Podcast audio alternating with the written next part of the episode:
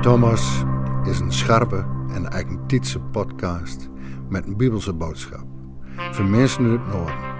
In de Stiefke Tierke kreeg van Domi PK een derde weekse podcast mini-preek met goede muziek. Thomas wil behulpzaam worden bij het leren kennen en het navolgen van de man van Nazareth. In een tijd dat door Horst verwedden moest.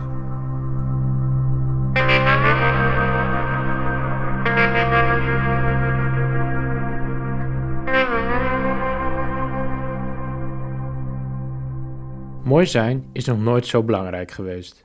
Wie voldoet aan het dominante schoonheidsideaal heeft voordelen. Niet alleen op de relatiemarkt, maar ook bij het vinden van een baan, een huis en vrienden.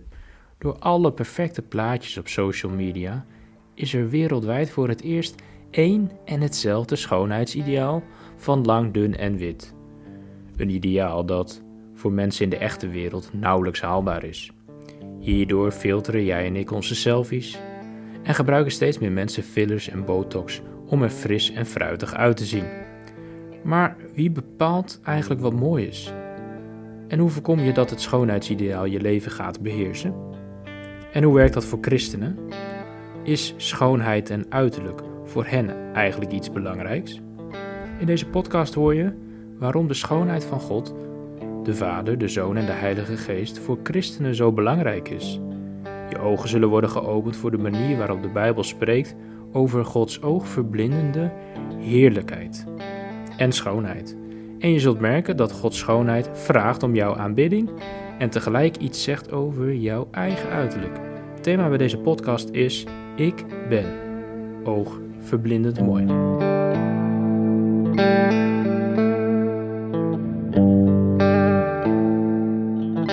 Daarna kreeg ik een visioen. Toen stond hij toch een deur open in de hemel. En de eerste stem dat ik tegen mij proot, hoor haar, net of een bezuin was, zei: Kom boven, hierin. Je zag die zijn loten wat hier nog gebeurde moet. Voordelijk kwam geest over mij. En jongen, door stond een troon in de hemel. En op die troon zat hij. Zo te was hij net jaspers of karneol. En om troon touw stond een regenboog, van smaragd leek het wel. In kring om troontouw stonden 24 aan de troon en doorop 24 oudsten, in het wit en met golden kronen op. Uit troon kwam al aan weerlicht en rommelde en dunden. En voor troon stonden zeven fakkels te branden. Dat ben God zijn zeven geis. Voor troon was suks wat als een gloze zee, net kristal. En midden voor troon en eromheen stonden vader leemtige wezens, van voren en van achteren bezaaid met ogen. Het eerste dag leek op een leeuw het tweede op een jonge bol en derde had meer zijn gezicht. En het vader leek op een als hij vlucht. Alle vijf hadden elk zes vleugels. Ze waren bezaaid met ogen, van onder en van boven, van binnen en van boeten. Ze, ze hielden nooit op te rauwen, s'nachts nooit en overdag ook nooit. Heilig, heilig, heilig, Heer God, albestuurder. Die was, die is en die komt. En telkens als hij daar een lof, eer en dank brengt aan hem die op troon zit en die leeft voor eeuwig en altijd, vallen die 25 oudsten op knijden voor hem die op troon zit en aanbidden hem die leeft voor eeuwig en altijd. Ze gooiden hun kronen voor troonheer en rouw doet. Heer, onze God, het komt je touw, stoortsie, eer en macht te krijgen. Je hebt je allemaal mokt, doordat je twolden waster, schopen en al.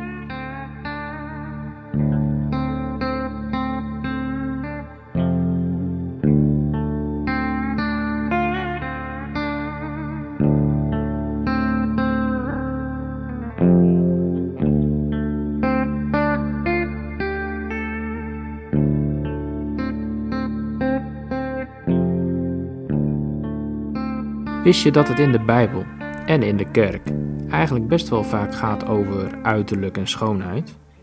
Ik had dat eerlijk gezegd nooit zo goed door.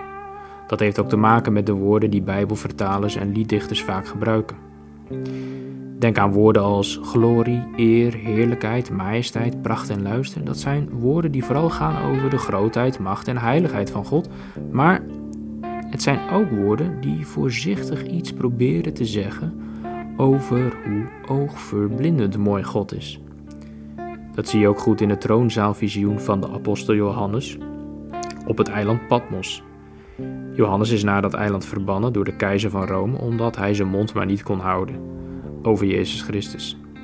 Een dag lang raakt hij in shock en krijgt hij daar met hulp van de geest van alles te zien over verleden, heden en toekomst.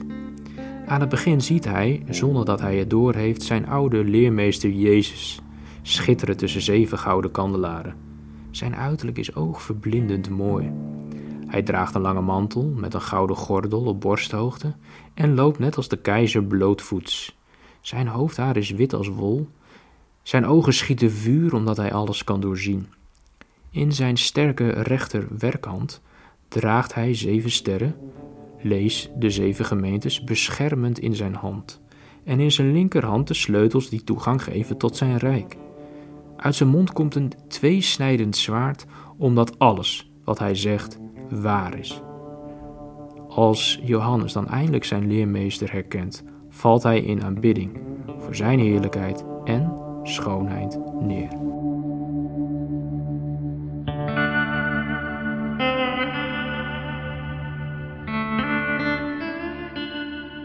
Kan niet anders of die ontmoeting met Jezus op aarde moet voor Johannes bijzonder zijn geweest.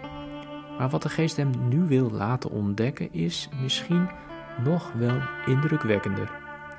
Er gaat een deur open naar de hemelse troonzaal en eenmaal binnen valt het oog van Johannes als eerste op de troon in het allerheiligste centrum en op de uitstraling van degene die erop zit.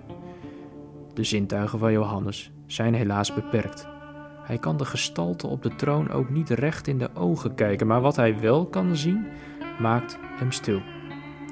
Eerbiedig zoekt hij naar woorden om de oogverblindende schoonheid van God te omschrijven. Alleen het allermooiste en meest kostbaar wat hij kent uit die tijd en regio komt een beetje in de buurt van wat hij ziet. Het zijn de edelstenen jaspis en zarder, die als vergelijkingsmateriaal de doorzichtig glanzende heerlijkheid van God weerkaatsen en iets kunnen benaderen.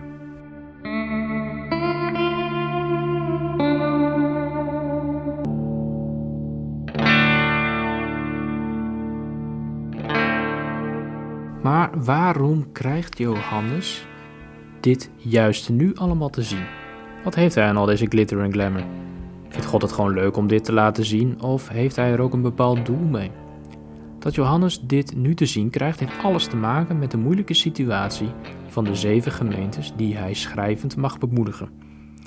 Die leven in een tijd van haat, vervolging, geweld, een tijd waarin de keizer als heer wordt aanbeden. Elke stad staat vol met tempels en afgodsbeelden, de een nog mooier, groter en indrukwekkender dan de ander. Keizer draagt de duurste en mooiste edelstenen om zijn goddelijke macht te etaleren. Volgelingen van Jezus zullen zich toen, net als jij en ik, als je in de wereld om je heen kijkt, afgevraagd hebben wie er nu echt de macht heeft. Wie is er het mooist? God, de keizer of de afgoden? Daarom laat God juist nu zijn oogverblindende macht, heiligheid en vooral schoonheid zien. Alsof hij wil zeggen: al die namaakgoden en keizers lijken wel mooi en machtig, maar achter de schermen is mijn zoon, de enige echte koning. Maak je geen zorgen. Vertrouw alleen op hem. In hem schittert al mijn luister en schoonheid. Hem alleen komt alle eer, lof en aanbidding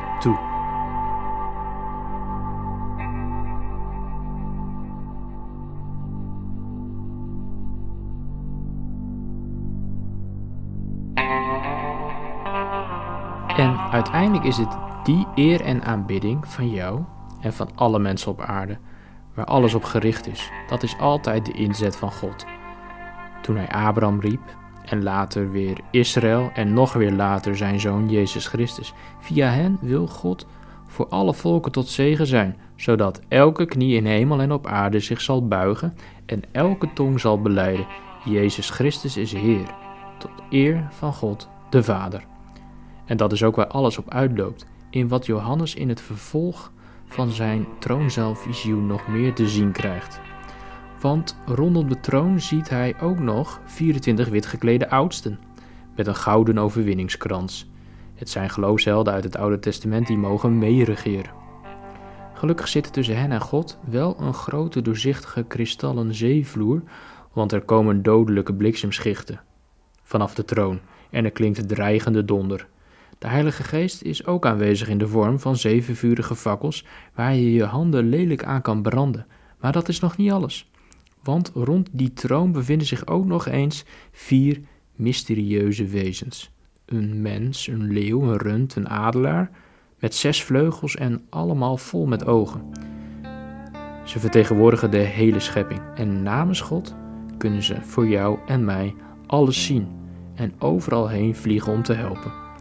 En ze zingen elkaar het driemaal heilig toe, aanbidden God met drie verschillende namen en omschrijven God als Hem die is, die was en die komt. Een volmaakte lofzang van 3 keer 3 is 9, die 24/7 dag en nacht non-stop doorgaat, ook als jij en ik op aarde niet kunnen of mogen zingen. En ook de oudsten kunnen dan niet achterblijven. Ze beamen de hemelse liturgie met het afleggen van hun krans. In hemel en op aarde is er niemand aan deze God gelijk. Hij is heilig, onvergelijkbaar, uniek, machtig, vol glans, glorie en luister. Hij is altijd groter en anders dan jij en ik ons samen voor kunnen stellen. Hij is vooral oogverblindend mooi.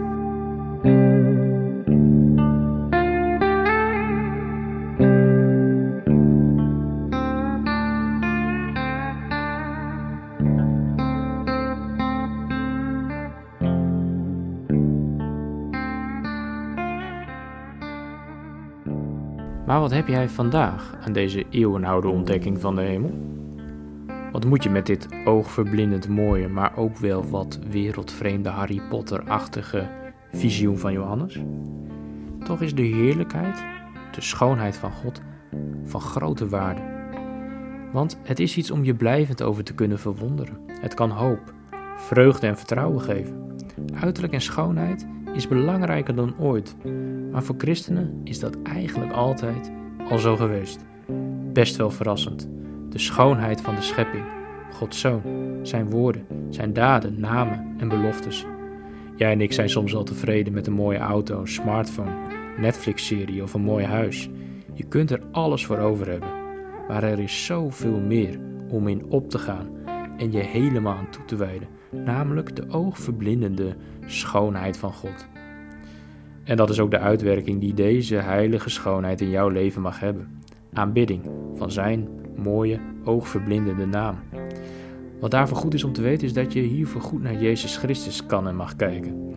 Wat in het Oude Testament over de heerlijkheid van de God van Israël wordt gezegd, wordt in het Nieuwe Testament gezegd over de glorie van Jezus, de Zoon van God.